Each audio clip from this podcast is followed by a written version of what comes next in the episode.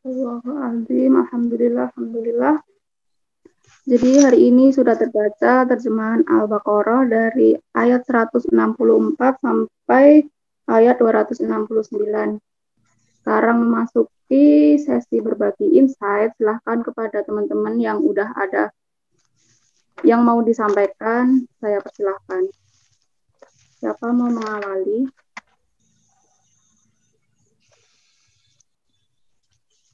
Jadi tadi diawali ayat 164 itu tentang makanan dan makanan halal dan haram. Kemudian masuk ke kisos, wasiat, dan beberapa hukum puasa. Jihad dibahas juga. Kemudian beberapa ayat, banyak ayat tadi membahas tentang nikah dan talak. Dan di akhir tadi banyak membahas tentang infak atau sodako.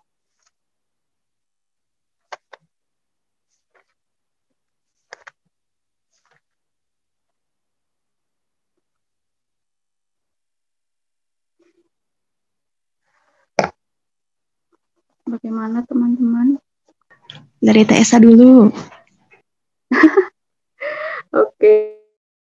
Oke, eh, tadi ini meng-highlight ayat awal sih waktu aku baca yaitu Al-Baqarah ayat 165. Di ayat 165 ini kan dan di antara manusia ada orang yang menyembah Tuhan selain Allah sebagai tandingan. Terus di sini yang aku langsung keinget itu materinya Bang Aat waktu kemarin itu yang membahas tentang Allah sebagai ilah dan Allah sebagai Rob. Dan sedikit cerita, jadi materinya Aat itu tentang Allah sebagai Rob dan Allah sebagai ilah. Apa sih bedanya Rob sama ilah? Kan beberapa di Al-Quran ada yang penyebutannya pakai Rob, ada yang penyebutannya pakai ilah. Nah, jadi teman-teman untuk yang belum tahu dan untuk yang kemarin udah ikut, semoga bisa merujah materi lagi. Yaitu untuk Rob itu Allah itu sebagai zat yang udah apa ya, sebagai zat yang sudah berdiri sendiri tanpa pengakuan kita gitu. Jadi tidak Allah itu Tuhan tidak perlu pengakuan kita itu sudah sudah apa sebagai pemelihara, pemilik, pencipta alam semesta segala isinya dan tidak memerlukan pengakuan dari kita. Sedangkan ilah itu tergantung dari kitanya teman-teman. Jadi apakah kita akan menuhankan Allah sebagai Tuhan kita ataukah malah kita menuhankan yang lain. Nah, gimana gimana kita bisa tahu apakah kita menuhankan yang lain? Itu cek lagi ke diri kita, Pak.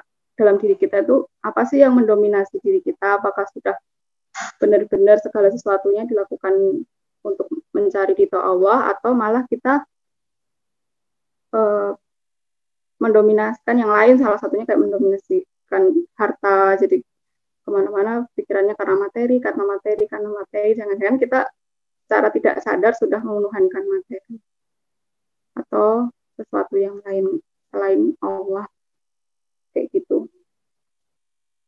Jadi syahadat itu dengan sebenarnya syahadat juga mengakui bahwa Allah itu sudah mendominasi kita, tapi semoga tidak hanya ucapan, tapi juga sudah merasuk ke dalam hati dan jiwa kita, bahkan sampai ke alam bawah sadar kita. Monggo ada yang mau menambahkan atau mau ada yang membahas yang lain, silahkan.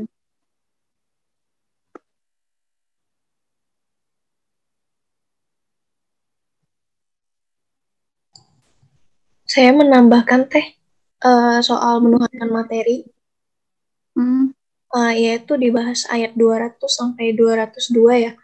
Di sini uh, jadi asbabun nuzulnya itu ketika salah satu suku Arab uh, mereka berdoa, uh, ya Allah turunkan hujan, ya Allah sejahterakan kami. Intinya uh, apa meminta hal-hal duniawi gitu.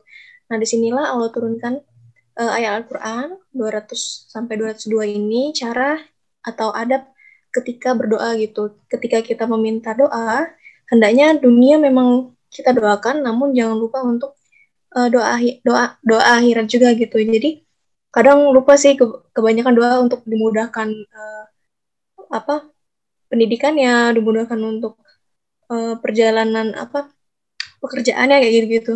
Tapi seringnya tuh doa-doa yang dimudahkan soal ibadah kayak gitu atau untuk mensyukuri bahwa alhamdulillah Allah sudah memberikan kemudahan untuk sholat subuh untuk bangun sholat subuh kayak gitu hal sederhana kayak gitu sering dilupakan. Itu sih kalau dari saya teh.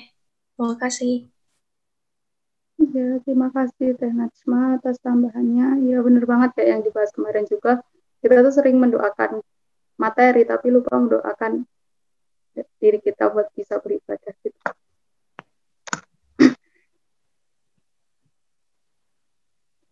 Tessa mau nambahin boleh nggak? Boleh banget. Kang Faza silahkan.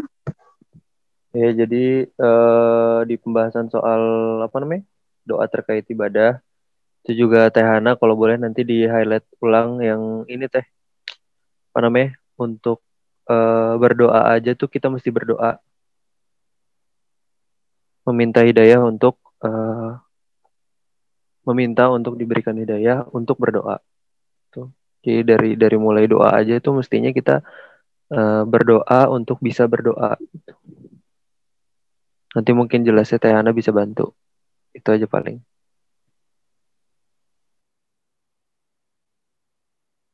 Oke, terima kasih Kang Fasa sudah mengingatkan. Mangga langsung dilanjut Tehana mumpung masih satu topik.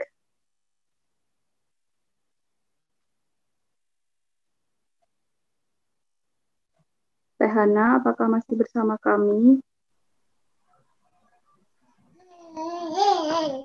Masih, masih. Bentar, buka catatan dulu. Ya. Khawatir ada yang salah.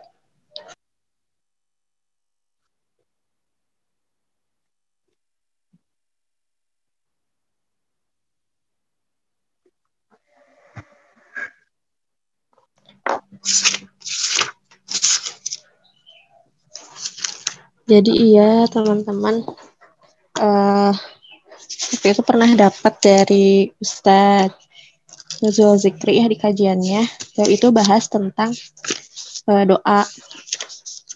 Bentar ya, cek dulu. Tak salah kata-katanya. Hmm. Uh, ada suatu perkataan atau kalimat dari Umar bin Khattab radhiyallahu anhu. Jadi beliau ini bilang kayak gini.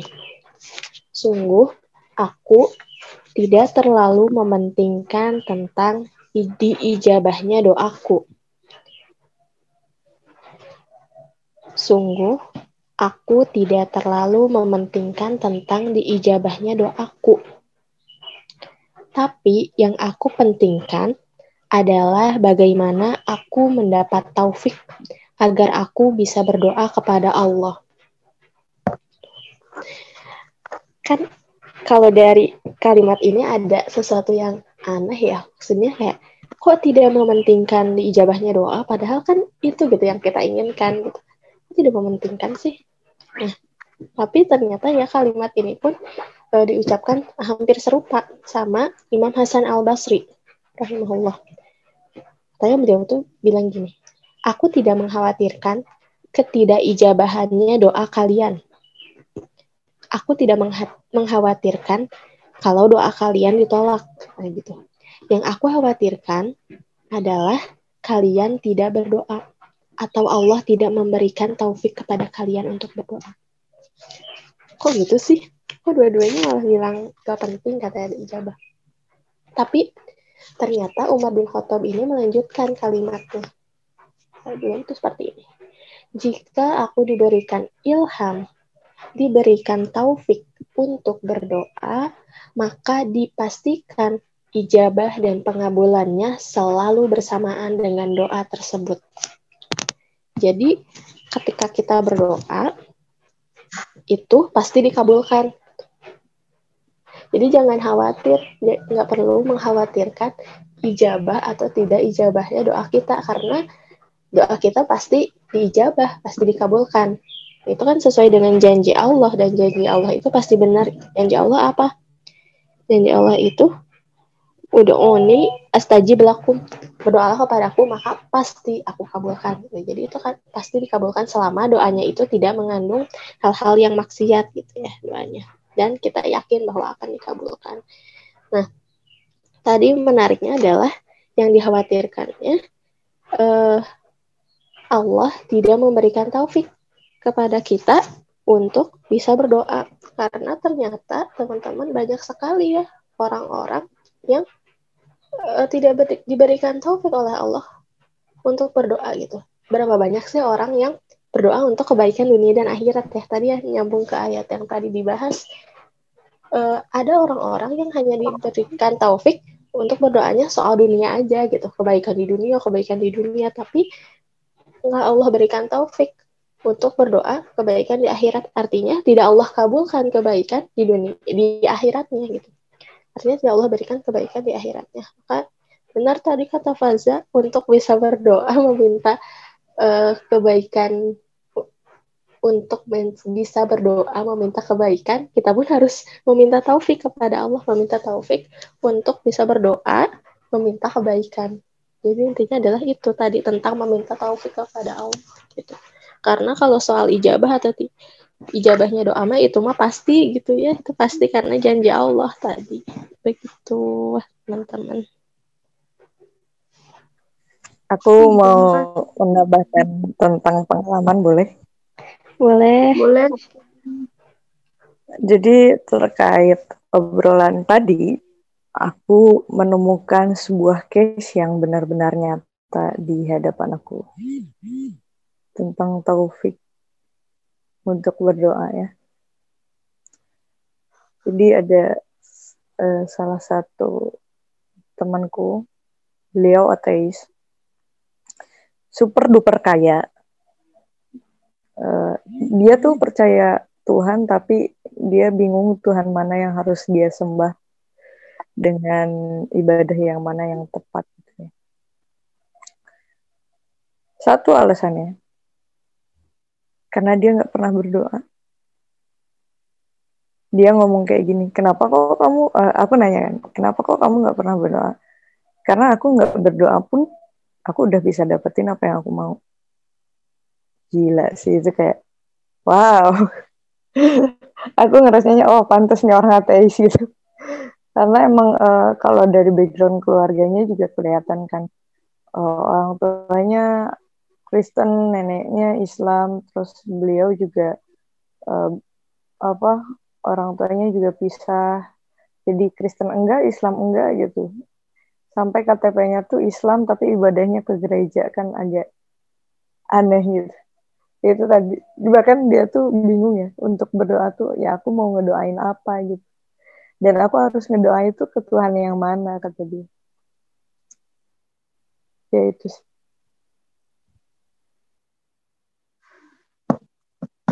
Terima kasih Teh Lulu sudah bercerita. Ya benar banget sih karena kadang kita aja nggak perlu berdoa, baru kepengen, baru belum menyampaikan, udah dikabulkan. Jadi kadang bikin kita lalai untuk berdoa, bahkan untuk minta ke Allah. Uh, aku dulu juga pernah, itu kan aku suka banget yang kemarin bakso itu ya masalah bakso itu aku ada pengalaman gini. Pulang kuliah itu sampai maghrib terus aku ada ngelesin ada jadwal ngelesin. Terus karena belum makan juga so aku kayak kepikir ah nantilah pulang dari les aku mampir gitu. Jadi dari kampus langsung ke rumah adiknya buat ngelesin privat. Terus aku udah merencanakan wah nanti pulang aku mau jajan karena pengen banget gitu. Terus beberapa menit sebelum aku selesai si ibu ibu aku udah SMS ke aku Mbak Esa nanti langsung pulang ya di rumah ini ibu beli bakso gitu. Langsung rasanya ya Allah aku aja baru merencanakan aku nggak bilang aku pun di situ juga nggak kayak berdoa ya Allah aku mau pengen bakso atau gimana. Hanya merencanakan nanti pulang mau beli. Tapi di situ tuh ya Allah ini ngepas banget gitu. Dan banyak hal yang lain yang sejenis seperti kayak gitu. Jadi kadang kita lalai dan ya itu tadi kayak yang diceritakan sama Teh Lulu. Bisa jadi kita nggak berdoa karena udah dipenuhin jadi kita lalai untuk berdoa. Jadi kembali lagi ya teman-teman untuk dari awal dari ketika kita punya hajat ketika kita punya kepinginan sampaikan dulu ya Allah. Uh, sampaikan keinginan kita ke Allah dan baru mengusahakan. Jadi ikhtiar dan tawakal itu tawakal nggak hanya setelah kita berikhtiar tapi dari awal tengah akhir pun kita harus bertawakal kepada Allah. Diawali dengan doa diawali dengan meditasi Mangga ada yang mau menambahkan? Silahkan. Teh mau menambahkan dikit? Boleh Teh Afina Teh Afina atau Teh?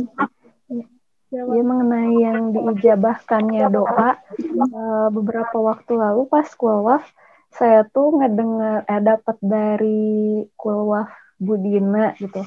Kata uh, apa moderatornya uh, diijabahnya doa itu bukanlah dikabulkan gitu tapi diberikan respon oleh Allah gitu jadi uh, kadang kitanya yang kurang peka dengan respon dari Allah tersebut jadi di di ijabah itu uh, dikabulkan tapi kan yang ada waktunya itu uh, sekarang juga atau nanti atau nanti uh, di akhirat kelak gitu. Kemudian uh, di ijabahnya doa uh, itu bisa terjadi jadi uh, apa kita bisa peka terhadap uh, apa responnya Allah gitu ya atas doa-doa kita itu barangkali karena uh, kita menolong orang lain atau mungkin dari uh, makanan halal yang kita makan atau orang orang-orang yang kita bantu. Jadi itu kayak yang balik lagi uh, apa kita tuh kadang mengartikan di ijabahnya doa harus dikabulkan gitu padahal uh, di ijabahnya doa adalah uh, respon dari Allah terhadap doa-doa uh, kita gitu dan uh, kitanya yang uh, harus makin peka terhadap uh, apa Allah ya apa yang Allah kasih gitu.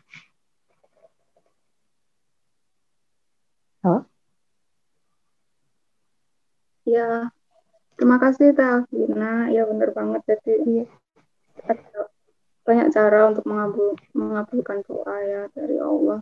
Ada banyak skenario yang pasti itu terbaik dari terbaik untuk kita.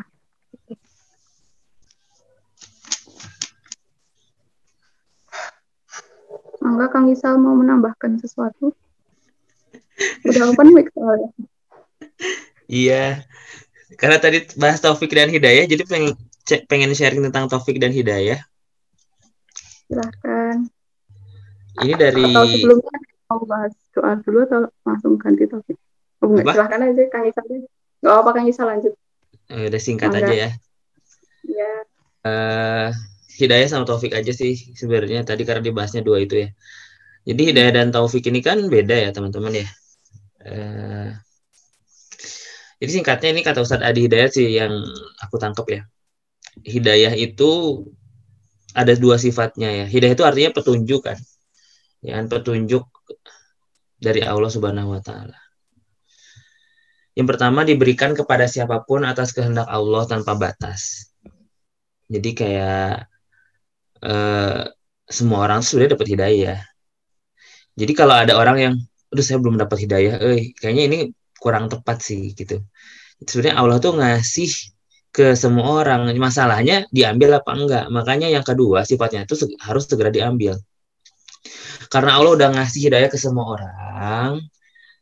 Nah, kita perlu ngerti sifat hidayahnya, yaitu perlu segera diambil hidayah atau petunjuk dari Allah bisa datang kapan saja. Maka ketika hidayah itu datang, jangan didiamkan dan diabaikan. Segera ambil, berbuat sesuai hidayah yang telah kita terima. Contoh, kan hidayah itu apa? Petunjuk. Ada azan, itu tuh hidayah, teman-teman. Kata Ustaz Adi itu. Itu tuh hidayah, itu tuh petunjuk dari Allah. Petunjuk biar kita sholat. Gitu kan. Yang dengerin, itu diajak sholat. Gitu kan. Nah, tapi dari semua umat muslim yang mendengarkan, tidak semuanya menyambut hidayah tersebut untuk menunaikan sholat atau melangkah ke masjid. Gitu ya. Contoh lain, ada hidayah yang datang lewat mata. Misal, kita lihat orang yang ibadah tenang, khusyuk, orang yang bersegera mengambil hidayah, menggerakkan tubuhnya, terus ikut ibadah. Tapi orang yang pandangannya terhalang nggak bisa menangkap kalau misalkan pemandangan itu adalah hidayah dari Allah. Gitu loh, nggak bisa Nah, makanya kita perlu yang kedua setelah hidayah. Oh, ini petunjuk nih gitu ya. Oh, ini petunjuknya sholat. Oh, ini ada kajian nih. Oh, ini ada ahlan nih. Oh, ini ada apa-apa-apa gitu ya.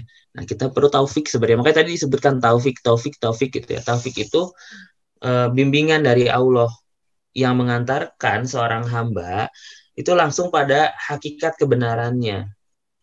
Saat orang hamba menerima hidayah, taufik adalah bimbingan yang akan memudahkan seseorang melakukan hidayah tersebut atau petunjuk tersebut.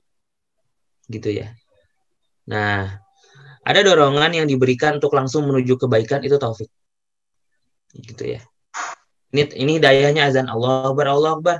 Wah nih, ayo sholat sholat. Nah itu taufik. Allah ngasih kita taufik, membimbing kita e, berjalan menuju hidayah tersebut. Gitu ya. Nah taufik juga ada dua sifatnya taufik tidak diberikan kepada seluruh hamba, hanya hamba tertentu yang bisa mendapatkan taufik. Bila sudah diberikan, maka sesekali jangan ditinggalkan untuk mendapatkan kembali tidak mudah. Kita membutuhkan motivasi lebih kuat lagi untuk melakukannya. Maka kita kalau udah dapat taufik, jalanin gitu loh. Udah ngerasa oke, okay, udah udah ini udah dapat nih eh, Allah udah bimbing sampai ke ahlan misalkan. Bertahankan jangan sampai kita uh, cabut gitu loh ya kan misal kalau misalkan kita udah di sebuah majelis taklim misalkan atau di ahlan gitu ya teman-teman uh, masya Allah tabarakallah itu berarti sudah taufik dari Allah gitu loh ya, untuk menuntut ilmu gitu ya. Orang tersebut sebelumnya telah mendapat petunjuk hidayah dulu berupa informasi oh nih ada ahlan nih entah dari mana walau alam. Akan tetapi tidak semua orang yang dapat informasi tersebut diringankan langkahnya oleh Allah dilembutkan hatinya oleh Allah diberi kelonggaran waktu gitu ya untuk hadir di majelis ilmu tersebut gitu ya. Maka taufik merupakan nikmat Allah yang patut sekali kita syukuri gitu hmm, terima kasih Kang Isal buat tambahannya balik lagi ya ke wal hidayah yang sering-sering kita ucapkan di akhir majelis ada yang mau menambah? Ada yang mau nambah? Aku, aku mau nambahin. Jadi ya, uh, karena yang menerima hidayah dan taufik biasanya yang kelam-kelam, mari kita bercerita ke kelaman ya. uh, aduh, diam kamu. Uh, jadi aku bercerita tentang kawan dan juga aku. Ini perbedaan nggak tahu ya. Aku ngerasa lagi-lagi diselamatkan oleh Allah bisa masuk film kalau nggak masuk film aku nggak bisa masuk kelas kelas ahlan nggak tahu maksudnya ya emang sebanyak itu sih manfaat untuk bisa masuk film ya ayo ayo semuanya masuk film nah ini hidayah ya untuk kalian. Terus uh, uh, pengalamannya adalah aku bisa kerudungan di film. Jadi waktu itu dapat hidayahnya tuh emang dapat apa ya seruan dari temen film. Lu katanya kamu uh, pakai kerudung gitu. Aku serem lihat kamu kayak gitu soalnya aku dulu nggak pakai kerudung terus kayak cowok gitu kan. Terus kayak temanku bilang kalau aku jemput kamu ntar bahaya kalau sampai ada orang yang yang kak kamu cowok masuk kosan gitu. Takut digerebek katanya. Terus akhirnya uh, apa lagi pelatihan tuh akhirnya uh, ngerasa terzolimi gara-gara ada kejadian di mana ada satu slot pertanyaan untuk cewek terus aku nggak ditunjuk karena si uh, mbaknya ini uh, apa tanda tanya gitu kayak ini cewek apa cowok ya? Jadi pertanyaannya tuh nggak dikasih ke aku gitu padahal aku mau nanya gitu. Pas keputrian. Bukan keputrian lagi lagi materi. Terus abis itu akhirnya bikin aku kayak mencari ya mencari taufik mendapatkan taufik itu gimana caranya untuk pakai kerudung yang benar itu benar-benar aku abis dari kelas itu tuh bolak balik ke kamar kawanku tuh. Bolak balik terus bolak balik terus. Aduh aku pengen pakai kerudung tapi kerudung dia tuh corak semua. Baju aku kayak cowok kayak gini nggak cocok pakai pakai pakai apa? Kerudung corak gitu ya. Sampai akhirnya uh, apa? Ya apa? Itikatku tetap untuk pengen berkerudung tapi ya oh kayaknya nggak bisa di sini jadi pas langsung pulang tuh pas pulang langsung kerudungan terus ada cerita juga di temanku jadi uh, dia itu dulu ada niatan untuk hijrah, sering kajian segala macam ya. Istilahnya hijrah menjadi lebih baik gitu. Dia tuh dulu pengen pakai gamis dan kerudung panjang gitu ya. Udah ke tahap itu. Terus uh, ada satu sisi di mana dia tuh pacaran dan emang kayak yang ngerasa dikekang dan ngerasa kok gue mau kerudungan panjang kayak gini masih pacaran ya? Gitu. Sampai akhirnya ya itu tadi. Jadi udah dapat hidayah tapi nggak dijemput bener kata Kang Isal. Sampai sekarang malah buka kerudung. Jadi bagus taufiknya mencari taufik yang taufik yang lain ya taufik yang tidak baik ini. Ya kayak gitu sih bener teman-teman. Hidayah itu harus di apa ya harus dijemput harus harus beneran apa ya. Kitanya harus peka terus kalau udah nerima tuh ya dilakuin gitu. Nggak cuman diratapin ini gimana ya, ini gimana ya. Aku aja yang nggak punya lingkungan yang baik, jauh dari kota, eh, nggak uh, ada pesantren deket rumah, ustadz yang di rumah kerjaannya ngomongin jin, ya bisa kok masuk kelas ahlan. Cari lingkungannya gitu. Jadi kayak ya, ya itulah ngebantu ngasih contoh aja sih aku dari apa yang diomongin Kang Isal supaya lebih relate dengan pengalaman yang uh, zaman now gitu ya.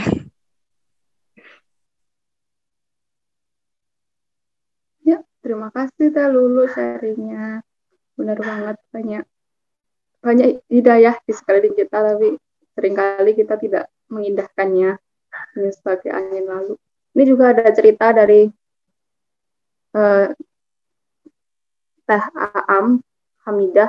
Jadi keinget kata-kata kakak tingkat aku buat lebih peka sama kode-kode Allah. Benar banget. Jadi emang kita harus peka sama peka sama sekitar. Bukan hanya karena fisik aja tapi juga batiniah kita juga harus lebih peka terus juga ada cerita dari Teh Anissa um, pas aku aja ikut ahlan ada seorang temen bilang kayaknya aku kurang cocok deh sama ustadznya.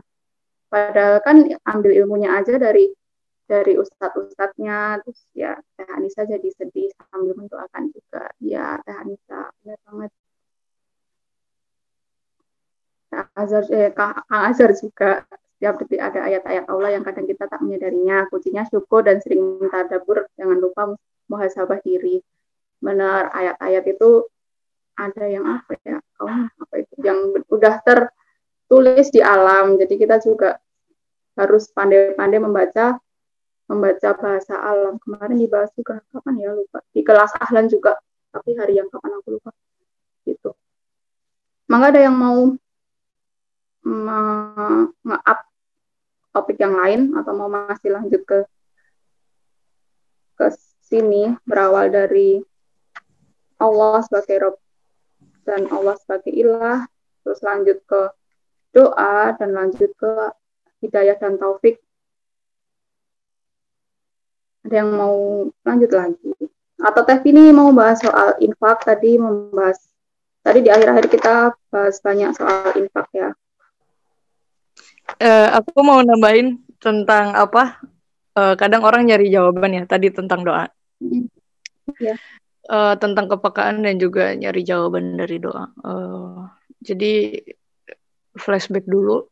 Uh, ceritanya aku adalah orang yang uh, dibenci semua orang sebenarnya. Karena aku adalah tipe orang yang sarkas dan terlalu jujur. Kalau misalnya diminta dicurhatin atau diminta kritik ya udah jeblag gitu. Kayak bodoh amat lu mau gimana gitu ya. Kalau kayak gitu.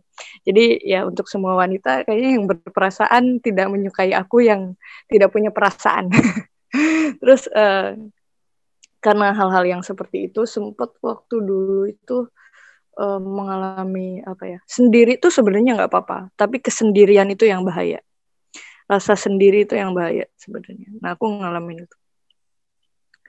Jadi eh, nggak uh, tahu ya Allah tuh ngasih gift ke aku untuk bisa motret tapi di balik motret aku bisa uh, istilahnya ngambil hidayah ngambil kode-kode gitu ya.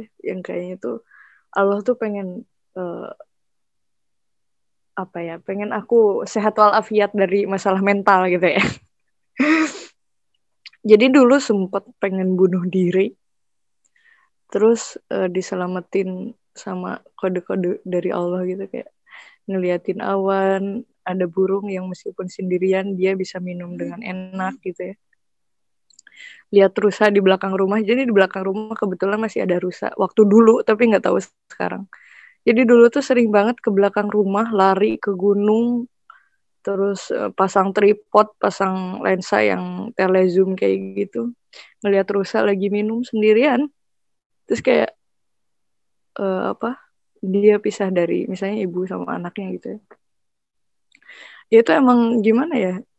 Kayak ya selalu dikasih kode gitu kayak lu tuh nggak apa-apa sendiri. Masih bisa nginum kan? Gitu. Masih bisa makan kan? Kenapa emang butuh orang mau disuapin udah kayak pasien gitu? Kayak gitu-gitu yang kayak apa ya ya tentang masalah kode-kode yang kayak gitu. Kalau misalnya dengan uh, apa ya baca Quran atau dengan cara ngobrol dengan orang itu nggak bisa peka ya dengan alam tuh kadang kita bisa lebih peka gitu. Bisa lebih bisa ngerasain karena feelnya gitu loh. Kadang kalau kita ke hutan nih aku mencoba menggambarkan kondisi hutan ya.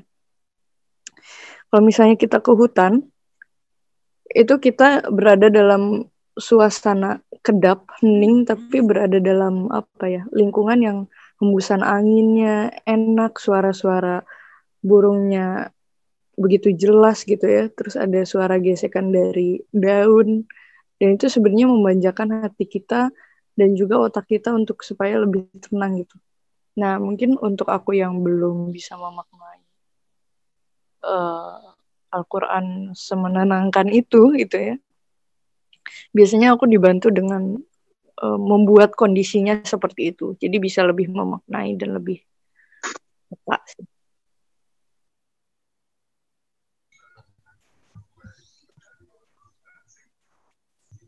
Ya, terima kasih dulu sharingnya, banget. Jadi kalau kita merasa sulit untuk uh, peka sama kode-kode Allah ya kita mengkondisikan diri untuk cari-cari kondisi di mana kita bisa lebih peka. Salah satunya tadi dahulu dengan mengkondisikan kondisi sekeliling seperti hutan ya. Dan karena pernah mengalami apa pernah ada pengalaman ke hutan dan mendapatkan ketenangan di sana bisa bisa dicoba buat teman-teman juga.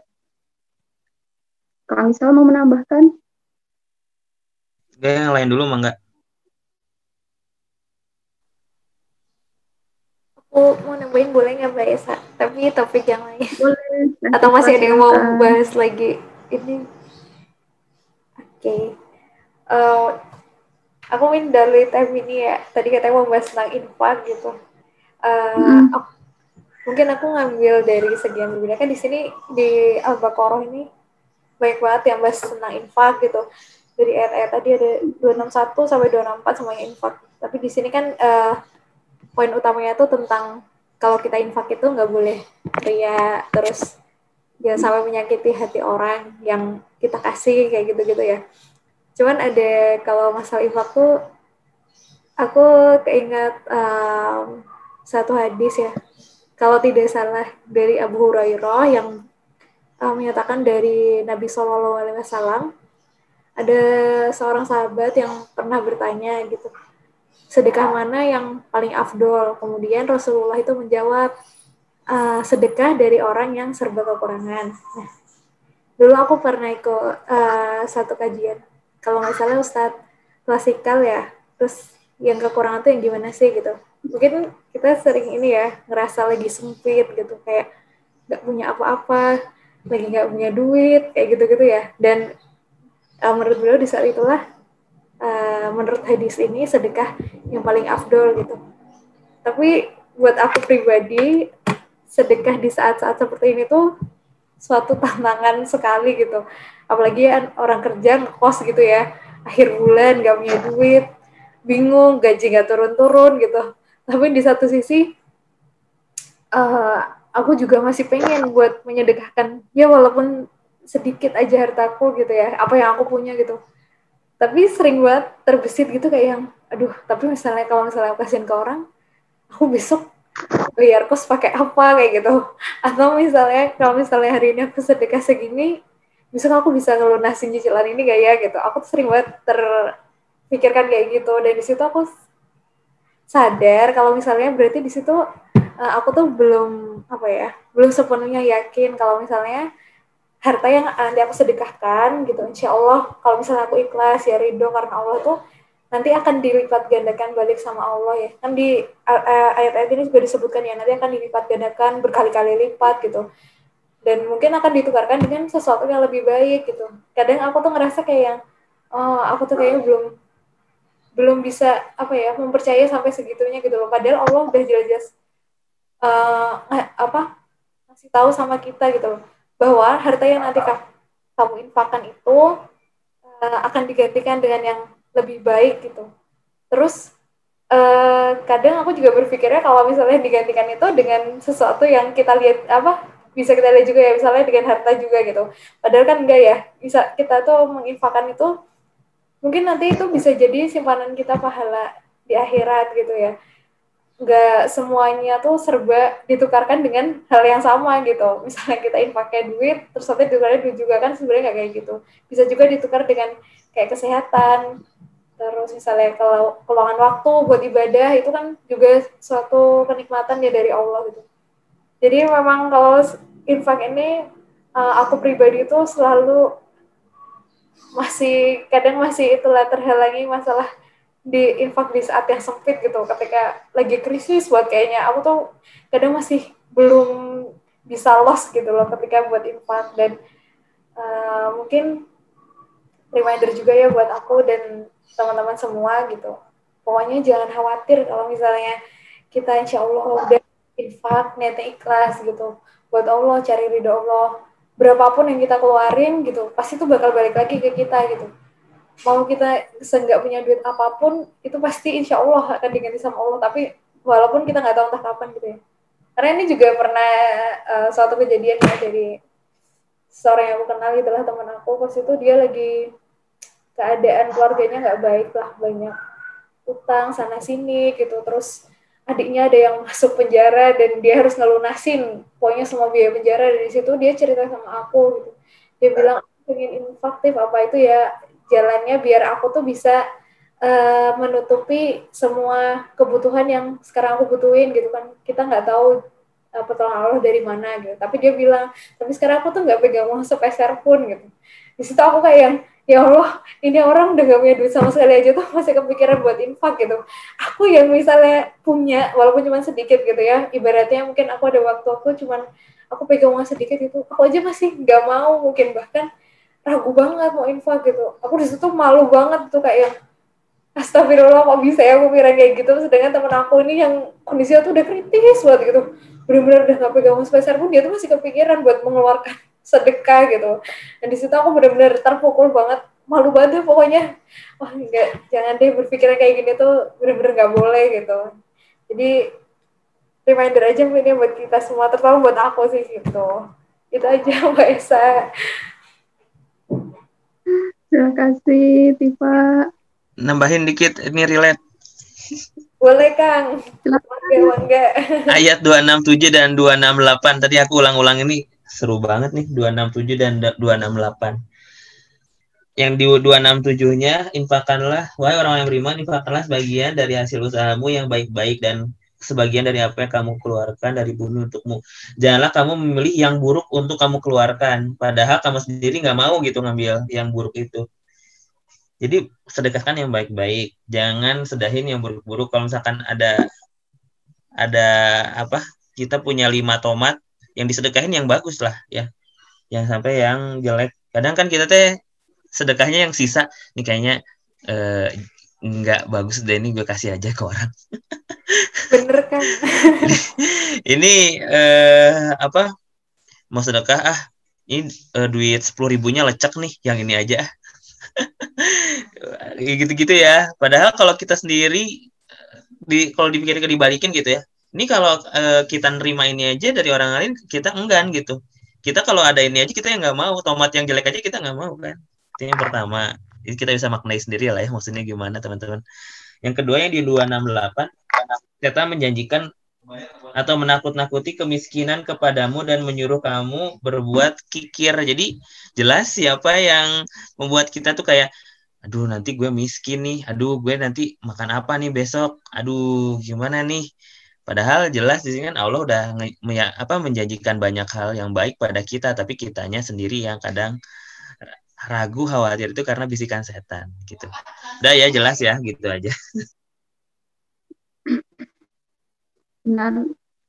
Tantangannya itu sih mau bersedekah tapi kok ini buat besok kayak kekhawatiran-kekhawatiran itu yang sering kali iya. menunda kita untuk Berarti PR kita tuh minta minta. pertolongan biar dijaga tahu eh, apa langsung Alhamdulillah Al-Falak binas terus doa eh, ayat-ayat rukyah lainnya supaya kita hilang nih eh, bisikan-bisikan kita bisa tenang gitu sedekahnya. Gitu ya guys. Ya. terus soal mengkhawatirkan rezeki aku jadi keinget beberapa hari lalu dapat di majelis mana aku lupa itu kayak gini.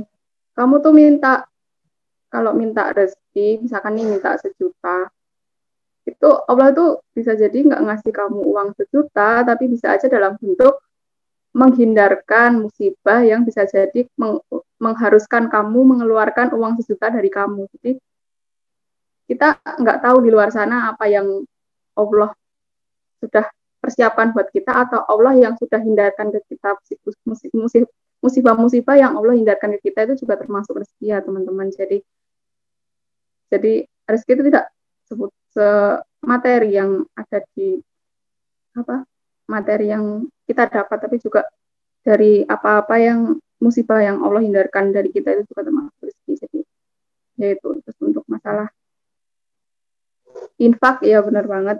Jadi tantangannya di situ kita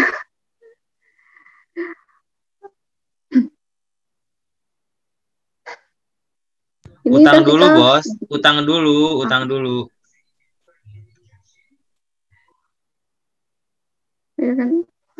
Menyelesaikan oh ya untuk infak itu menyelesaikan apa-apa yang harus kita keluarkan dulu baru kita menginfakkannya. Ya, baru kita berinfak. Ya enggak sih? Ada lagi yang mau membahas Teh ini apakah mau membahas tentang infak kayaknya kayaknya boleh. Eh kayaknya pengen membahas sesuatu.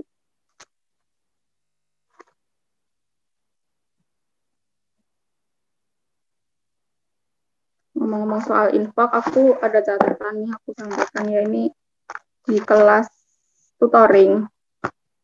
Tutoringnya Bang Aat. Balik lagi ya kalau kamu cinta uang, titipkanlah uang itu ke Allah. Kita akan karena kita akan jumpa lagi di akhirat bahkan dalam jumlah yang sudah dilipat gandakan. Ini relate banget sama ayat tadi yang sempat kita bahas.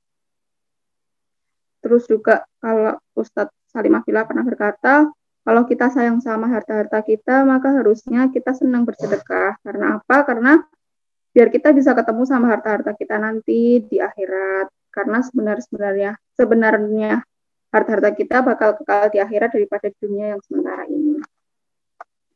Ini juga untuk yang dilipat gandakan tadi. Ini yang ayat 245. Siapa yang meminjami Allah dengan pinjaman yang baik, maka Allah melipat gandakan ganti kepadanya dengan yang banyak. Terus lanjut lagi, relate sama ayat 261 Perumpamaan orang yang menginfakkan hartanya di jalan Allah seperti sebutir biji yang menumbuhkan tujuh tangkai. Pada setiap tangkai ada seratus biji. Allah melipat gandakan bagi siapa yang dia kehendaki dan Allah maha luas maha mengetahui. Semoga menjadi penyemangat kita untuk selalu tadi untuk mengusir bisikan-bisikan yang sering membuat kita tidak jadi berinfak karena kita mengkhawatirkan masa depan padahal masa depan sudah dijamin sama Allah ya rezeki sudah dijamin sama Allah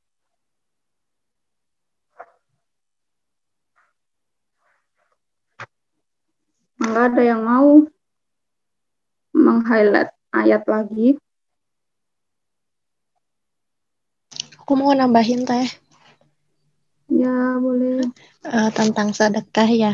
Terus jadi teringat -hmm ada di uh, surat Al-Munafikun ayat 10.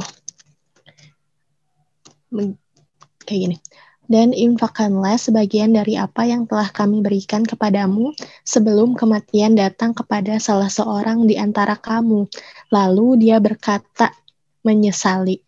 Ya Tuhanku, sekiranya Engkau berkenan menunda kematianku sedikit waktu lagi, maka aku dapat bersedekah dan aku akan termasuk orang-orang yang soleh. Jadi di ayat ini tuh ya ketika ada seseorang yang meninggal, terus apa sih yang dia sesali? Ternyata uh, yang dia sesali adalah yang tadi ya tidak berinfak. Jadi ketika uh, terus berdoa gitu ya Tuhanku sekiranya Engkau berkenan menunda kematianku sedikit waktu lagi, maka aku dapat bersedekah.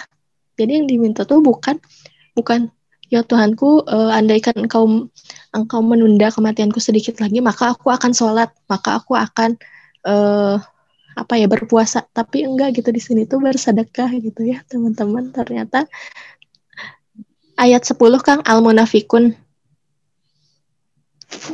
Ternyata bersedekah gitu. Nah, sebelum datang hari di mana mungkin nanti kita akan menyesali gitu ya teman-teman. Berarti kita memang harus memaksimalkan gitu kesempatan untuk bersedekah.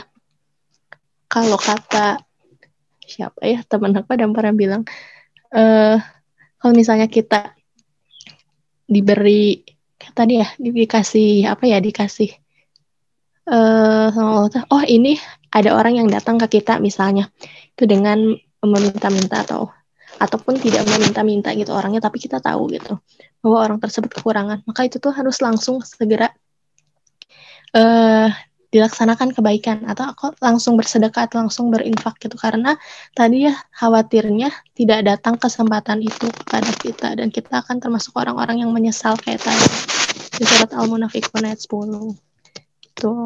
Itu aja tambahannya.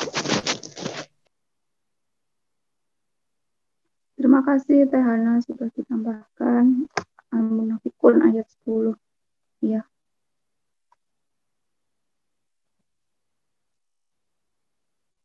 Ada yang mau menambahkan lagi atau membahas highlight meng-highlight ayat yang lain? Silahkan.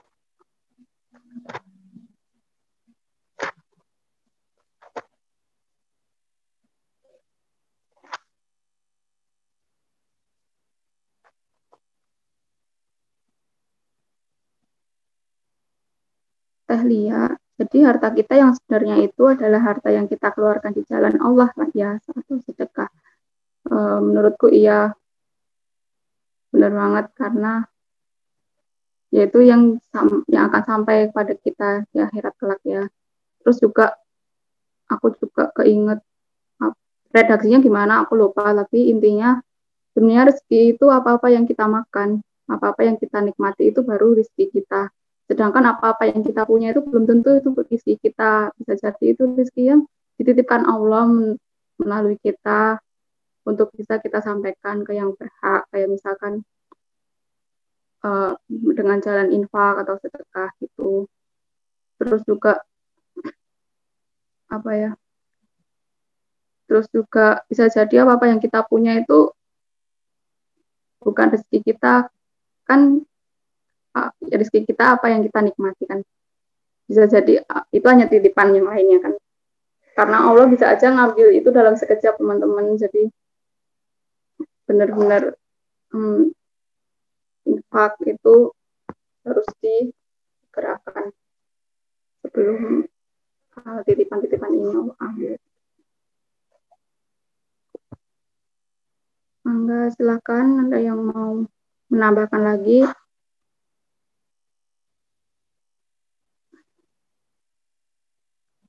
yang mau lift duluan. Semoga dilancarkan ya hari-harinya. Ya, sebelum berangkat.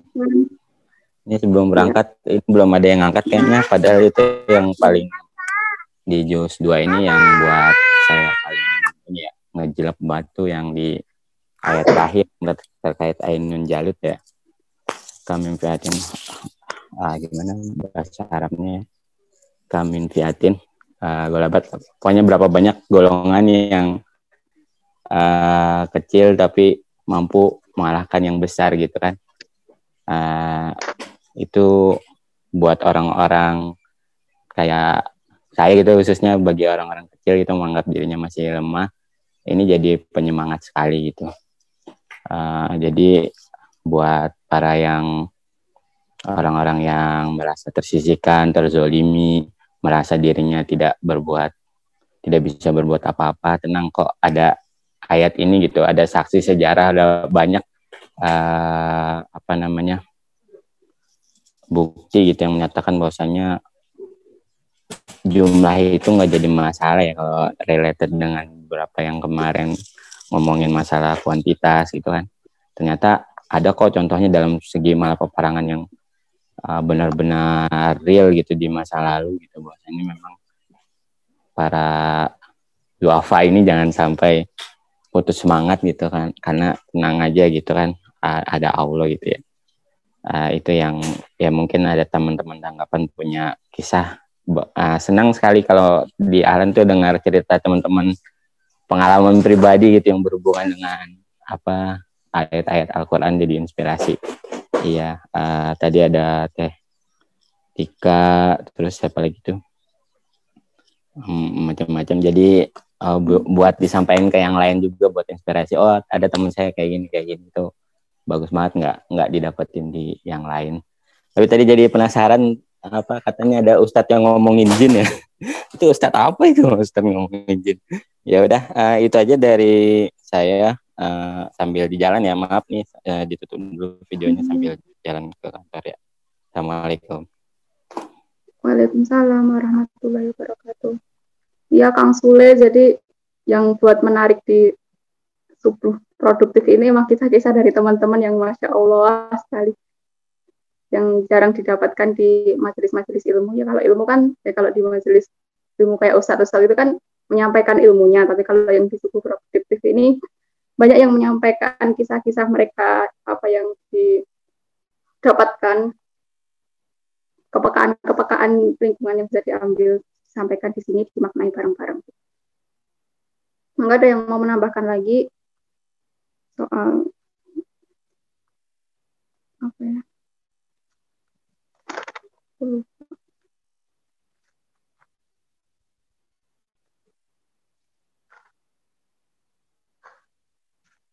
Tadi Ustadz yang ngomongin jin tadi yang mana ya aku kayak enggak kenal. Siapa tadi yang membahas?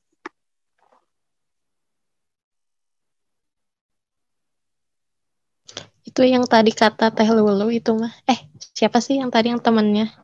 Teh Lulu atau siapa ya? Iya, Teh Lulu. Eh, iya, kalau apa aku nggak bawa-bawa Ustad? Eh, siapa ya? Tadi lupa. Aduh. Pokoknya Ustadz yang ini mah tentang jin mah Ustadz Faizar tuh.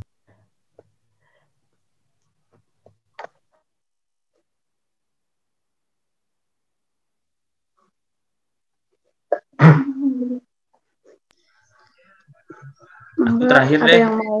Terakhir, terakhir, terakhir. Aku dapat dari Ustad, siapa yang lupa? dari salah seorang Ustad. Eh, ini tentang sedekah sih, tentang sedekah. Jadi apa yang kita ingin, eh, yang perlu kita lakukan ketika kita memiliki eh, kelebihan harta dan ada orang yang semangat menuntut ilmu apa yang perlu kita lakukan? Maka yang kita perlu lakukan katanya kan misalkan ada teman kita nih orang e, kerjanya belajar mulu nyari beasiswa segala macam tapi dia nggak punya uang gitu loh. Tapi kita kondisinya ada kondisinya e, Allah kasih kelebihan harta. Maka itu bahkan e, sangat dianjurkan. Apa wajib ya? Gitu saya lupa e, hukumnya. Pokoknya kalau lihat kayak gitu maka carilah keberkahan ilmu melalui orang tersebut. Maka biayailah dia eh, sekolahnya, kuliahnya. Kalau misalnya dia minat ilmu apa eh, apa namanya itu dia berdakwah maka jadilah donatur gitulah jadilah biar eh, biar dia nggak biar dia udah nggak mikirin biar apa dunia lagi gitu loh.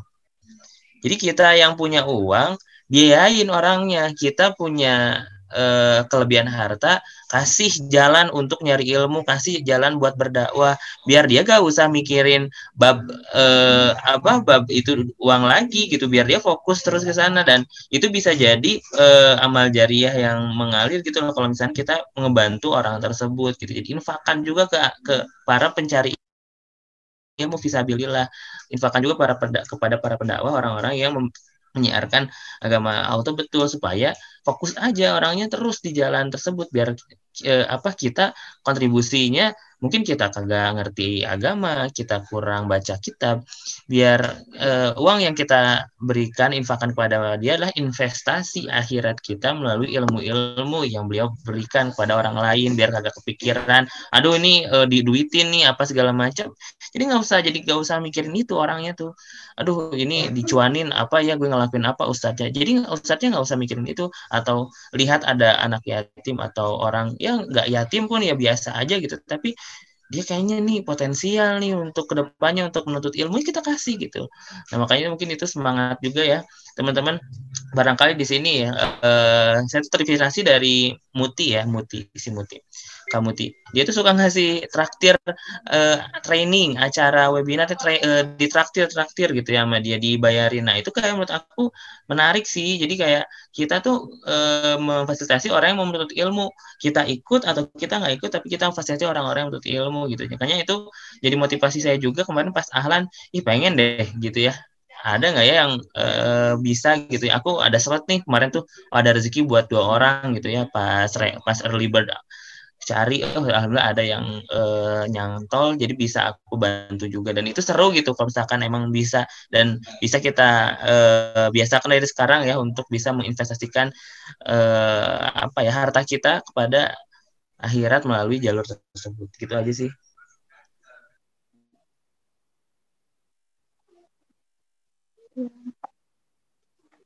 Alhamdulillah sekarang kita semakin dipermudah lagi untuk berinfak ya salah satunya dengan mentraktir orang untuk menuntut ilmu pahala sedekahnya dapat pahala apa orangnya juga dapat manfaat bisa menuntut ilmu entah itu lewat jalur webinar atau pelatihan-pelatihan yang kita biayai untuk dia ikut. Um, ngomong udah jam 7 dan aku keinget Kang Faza katanya mau menyampaikan sesuatu. Apakah mau disampaikan di forum pagi ini atau di grup ya.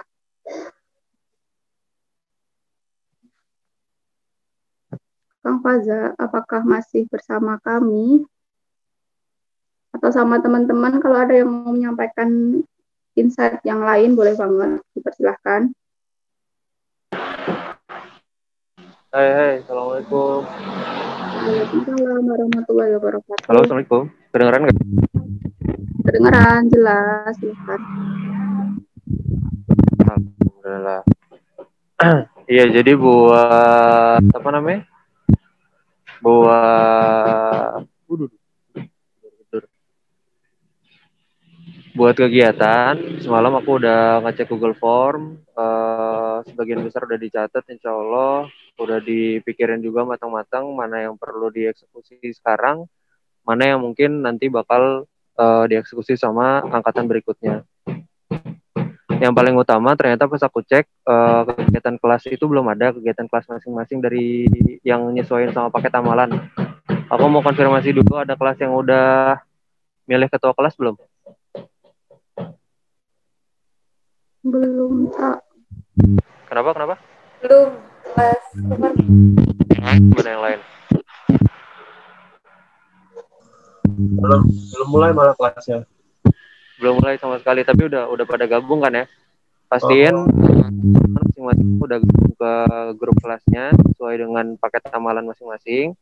Nanti uh, aku bakal minta buat masing-masing grup uh, salah salah seorang dari anggotanya buat jadi kelas. Itu yang pertama Terus selanjutnya nanti kegiatan grup juga bakal kegiatan di masing-masing paket amalan juga bakal bakal aku brief, bakal aku briefing lewat uh, bakal aku sampaikan lewat ketua kelasnya. Ya pokoknya uh, masuk dulu ke grup, terus nanti tentuin grup, tentuin ketua kelas maksudnya, tentuin ketua kelas, ditunggu sampai zuhur kali ya kalau bisa secepat mungkin. Karena sayang banget nih di kedua apa ketiga ya, udah hari ketiga kalau nggak salah, dan kita belum uh, ada laporan amalan Yumi dan lain sebagainya. Oke, sampai jam 12 siang nanti uh, titip pesan dari Faza. Tolong uh, masuk ke grup masing-masing sesuai paket amalan dan uh, tentuin siapa ketua ketua kelasnya. Disampaikan ke Faza maksimal zuhur ya jadi sebelum sebelum azan zuhur nanti tolong udah masuk ke Faza namanya yang selanjutnya kegiatan kita sejauh ini udah ada uh, tadabur Al-Quran kemarin juga kita uh, merencanain buat ada ber pas banget kan hari ini tuh hari hari apa teman-teman? Kamis. Ada yang saum hari ini? Hmm. Iya diam-diam ya nggak apa-apa mau dirahasiain juga boleh. Saya yakin sih banyak yang saum ini. Uh, mohon maaf juga pada hari ini Faza belum bisa saum, belum bisa bersamain teman-teman saum karena satu dan lain hal. Uh, insya Allah nanti sore kita bukber mulainya dari jam berapa ya kemarin? 16.45. Kemarin 4.45 untuk ya. opening sama sore dilanjutkan dengan lanjut bahas insight mau diisi apa? Jam 5 sampai di selanjutnya setelah alma surat dari apa dari 16.45 uh, eh, sampai jam 17 berarti ya 15 menit lebih kurang. Ntar dulu. 15 menit lebih kurang kita alma surat sore, alma surat petang, uh, terus nanti di sesi selanjutnya uh, berdasarkan Faza kepikiran uh, buat bikin kegiatan uh, bonding. Jadi nanti kita kenalan satu sama lain, uh, dibikin sistemnya kayak ini kali ya, kita benchmarkin film yang ada satu hari lebih dekat. Nah kita bikin lebih ringkas disesuaikan dengan waktu yang kita punya mungkin jadi satu jam lebih dekat dengan siapa gitu kali ya kita coba dulu aja mau boleh diagendakan ya kalau tadinya buat yang satu jam lebih dekat ini di angkatan sebelumnya ada di hari Sabtu sama Minggu kalau nggak salah Iya, nah, Sabtu dan Minggu. Sabtu dan Minggu ya. Di akhir setelah, kekejar. Di akhir setelah insight. Di akhir setelah uh, insight karena semuanya nggak belum belum semuanya kena Faisal kepikiran buat pakai di hari Senin sama Kamis ini jadi lebih sering ada ada, ada apa namanya ada perkenalannya gitu. Jadi semua kebagian berharap. Coba dulu deh. Di trial and error dulu. Hari Kamis hari ini kita coba uh, kelas pagi mulai dari jam 16.45 terus buat akhi uktivilah Faza juga udah ngumpulin data kemarin. Baru 8 sayangnya tapi semoga dari 8 ini uh, bisa bisa ngegambarin uh, secara keseluruhan kegiatan keberlangsungan kegiatan Akhir Villa.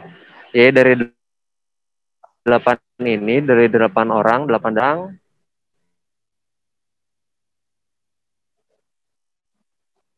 Oh iya sebelumnya Uh, jadi akhir Villa ini, saya jelasin dulu ya. Akhir Villa ini itu kegiatan berpasang-pasangan, Ikhwan sama Ikhwan, Akhwat sama Akhwat untuk saling setor hafalan. Jadi setiap hari setor maksimal disetor ke pasangannya itu jam jam 8 malam uh, eh, WIB ya, waktu Indonesia Barat. Nah, uh, dari hasil kegiatan kemarin dari keberlangsungan YouTube kemarin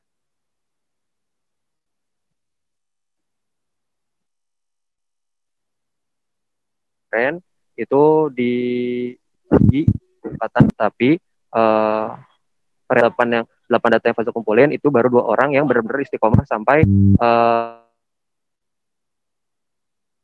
uh, akhir bulan. Jadi selamat.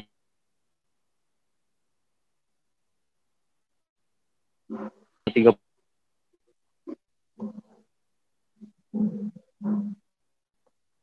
Faza suaranya keputus-putus, jadi kurang jelas penyampaiannya. di akhir-akhir tadi, di akhir-akhir putus-putus. Ntar uh, hanya bertahan di lima atau pasangan ini bisa sampai cuman di minggu pertama. Putus-putus ya. Halo, yang akhir. Sekarang udah enggak. Ini masih enggak? Udah enggak. Tadi mulai terputus di di ahli ukti villa hasil laporan saja putus-putus. Oh iya. Uh, uh, sekali lagi ahli ukti villa ini kegiatan uh, berpasang-pasangan ikhwan-ikhwan ahwat-ahwat buat saling setor hafalan sampai jam 8 malam. Jadi setiap hari itu setor hafalan. Harapannya dengan adanya ahli ukti villa ini uh, semua teman-teman ngerasain uh, nikmatnya ngehafalin Al-Quran gitu. Dan ternyata di lapangan yang terjadi uh, realisasinya belum seoptimal yang diharapkan. Gitu. Dari delapan data yang fase punya, itu baru satu pasangan atau dua data yang uh, bertahan dari awal bulan sampai dengan lebih kurang 30 hari ke depannya. Itu, itu bertahan tuh 30 hari, satu pasangan ini uh, saling setor hafalan. Sisanya jomplang banget nih datanya itu cuman bertahan bentar, cuman bertahan di minggu pertama aja. Jadi cuman sekitar 3 sampai 7 hari aja. Gitu. Nah, uh, karena jomplang ini Faza mau coba buat fokusin uh, Ahyu TV ini di uh, paket amalan yang emang ada hafalan Al-Qur'annya. Ada nggak yang tahu yang paket amalannya ada hafalan Al-Qur'annya di paket apa aja? Paket ketiga dan paket keempat. Lupa. Itu namanya apa berarti? Abu Bakar, huh? Umar dan apa? Kecuali Usman, Usman Abu Bakar ada. sama? Umar berarti. Umar dan Abu Bakar. Umar ya. Nah, nanti oh, uh, Faza ya, minta data dari TV ini siapa aja yang ada di tim Abu Bakar sama Umar. Uh, gimana caranya nanti Faza sesuaiin supaya uh, bisa tetap Ikhwan-Ikhwan akhwat-akhwat. Jadi sekarang skupnya dulu kita bangun dulu pondasinya uh, buat teman-teman yang ada di Umar sama Abu Bakar supaya jadi apa ya jadi model lah jadi contoh buat teman-teman yang lain gimana sih rasanya nikmat gimana rasanya nikmat ngapalin Al-Quran gitu udah sementara itu dulu insya Allah. Di luar itu nanti Faza kabarin lagi ya. Faza lagi di luar maaf ini jadi ada suara motor segala macem ya. Ya nggak apa-apa Faza. Kalau yang bingung-bingung informasi. Sangat terbuka buat ngechat Faza. Jadi chat aja Za aku skip nih. Apa namanya notifnya udah 300 lebih. Terus apa namanya nggak nggak sempat buat baca satu-satu ada info apa aja itu boleh juga kabarin ke Faza ya ada yang mau ditanyain dulu nggak? Mangga silakan teman-teman ada yang mau ditanyakan atau penjelasan lagi ke Faza. Mana tahu perlu dijelasin ulang juga boleh. Jadi ntar sore jam 4.45 ya? Insya Allah nanti sore jam 4.45. Uh, Pak Joko request ya 4.45 gerbang udah dibuka. Oke, nanti Teh Vini minta tolong ya ke Pak Joko buat buka gerbang. Ya, Teh Vini juga ada Teh Vini ada tuh. Ya. Ada lagi, ada lagi.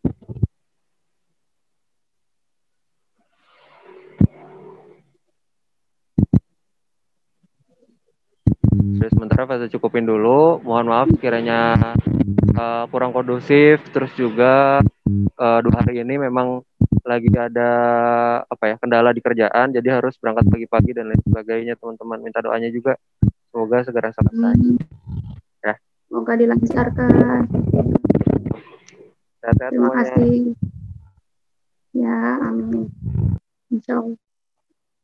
Jadi gitu ya teman-teman, dari apa yang disampaikan Fazab, si Pak Ketang untuk beberapa program-programnya, bukti hati villa dan lanjut. Nah, uh, apa jadi buber nanti acara sore.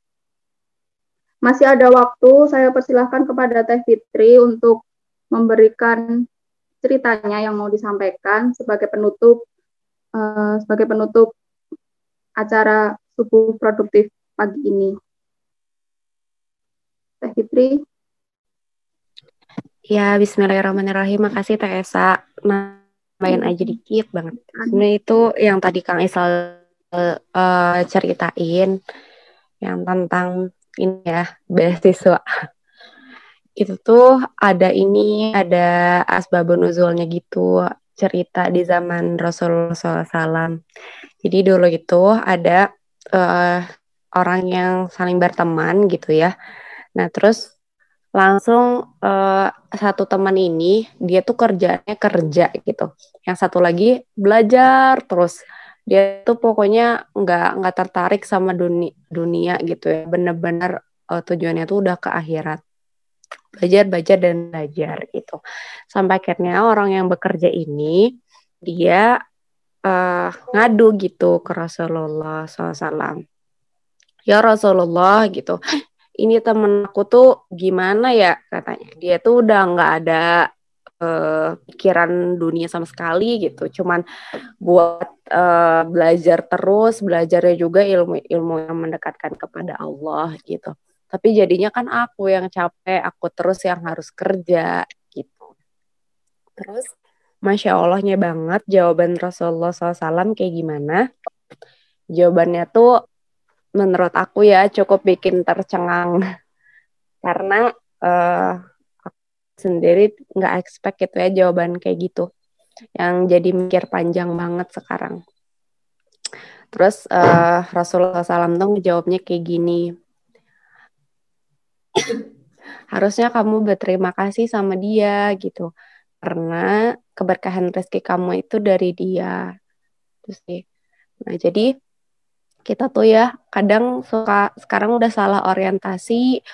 Maksudnya yang jadi yang jadi kewajiban tuh kayak seolah-olah bekerja ya karena bekerja itu salah satu cara langsung terlihat kita tuh dapetin uang gitu ya uang yang bisa mem membeli fasilitas-fasilitas yang kita butuhkan atau kebutuhan yang kita butuhkan di dunia ini.